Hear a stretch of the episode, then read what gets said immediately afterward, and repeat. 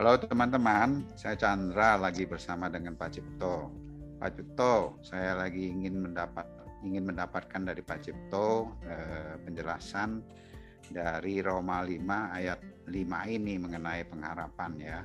Saya bacakan dan pengharapan tidak mengecewakan karena kasih Allah telah dicurahkan di dalam hati kita oleh Roh Kudus yang telah dikaruniakan kepada kita. Jadi harapan yang didasarkan oleh kasih Tuhan ini ya itu tidak pernah mengecewakan. Selalu ada aja kasih Tuhan yang tidak pernah gagal membuat harapan pun tidak pernah gagal. Begitu ya Pak Cipto. Gimana Pak Cipto penjelasannya? Minggu lalu tuh saya uh, mempunyai keinginan ya untuk pergi beramai-ramai dengan teman-teman untuk uh, uh, mendaki ya, untuk trekking, trekking ke gunung di Sentul. Uh, kira-kira itu tingginya itu sekitar 850 meter. Hmm. Nah, jadi itu mungkin ada 20 orang ya, 20 sampai 25 orang lah yang yang ke sana pergi. Dan di tengah perjalanan itu sepertinya uh, kita saya tuh kehabisan nafas atau saya itu jalannya sudah nggak stabil tuh karena mungkin kehabisan nafas uh, sehingga teman-teman bilang udah nggak apa yang ada empat orang lagi yang juga tidak bisa naik ke atas. Uh, jadi udah di tengah jalan aja ya itu padahal baru 450 meter tuh kita naik uh, sepanjang satu kilometer berjalan kira-kira 45 menit itu cuman bisa mencapai 400 meter dan di situ kita beristirahat. Nah, yang lain itu kan uh, mencapai puncak ke 850 meter.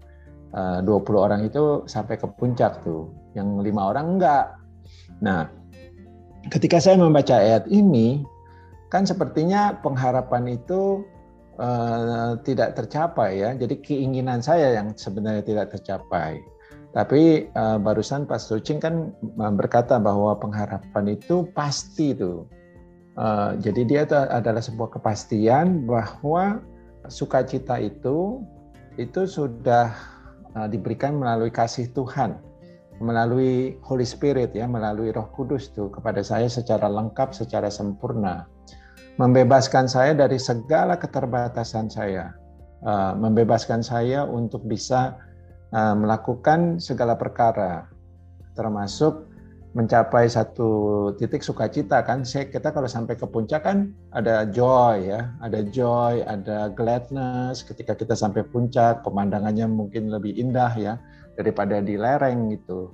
Daripada di perjalanan begitu ya lebih enak yang di puncak kan tentunya saya juga begitu ya. Tapi hmm. uh, anehnya tuh Tuhan itu membukakan uh, tentang Roma 5 ayat 5 itu di tengah perjalanan itu kepada saya tuh diingatkan bahwa uh, uh, tidak ada kekecewaan ketika kita uh, berjalan turun. Jadi waktu berjalan turun itu kita enjoy banget gitu ya sangat bersuka cita dan mengalami pemandangan-pemandangan dan bisa enjoy moment by moment tuh pemandangan itu. Dan juga waktu kita hmm. sampai di bawah tuh kita bisa berfellowship berlima tuh.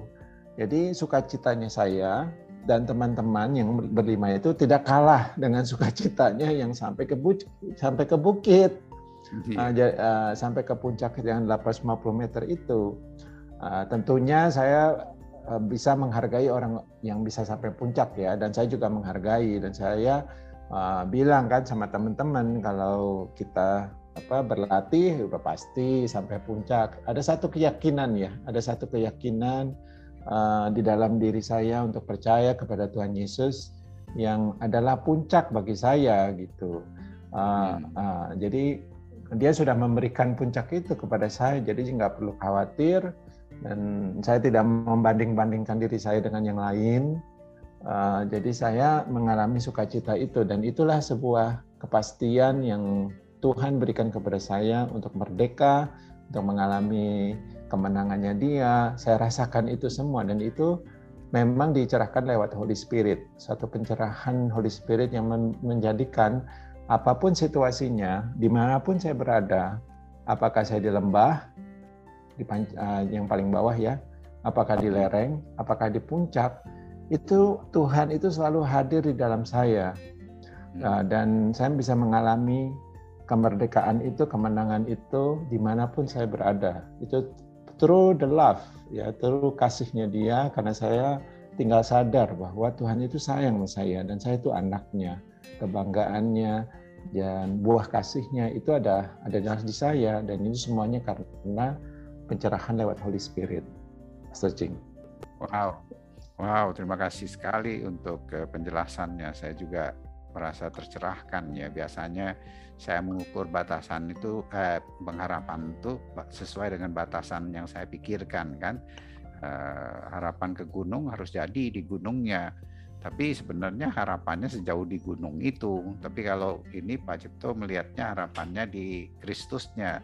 Sehingga eh, walaupun tidak di gunung, Eh, sampai ke gunungnya di tengah pergunungannya dia tidak merasa hilang harapan atau menjadi kecewa bahkan bisa menikmati eh, ya mungkin beda lagi kalau walaupun eh, kalau kita mengharapnya dari diri kita di gunung pun bisa nggak bisa menikmati ya yang ini bisa melampaui eh, menikmati ada di gunung bahkan eh, lebih daripada ada di gunung begitu ya Pak Cipto Yes Pak Secing amin Ya, ya terima kasih Pak Jepto untuk sharingnya. Sampai ketemu lagi dalam pertemuan berikutnya. Tuhan memberkati.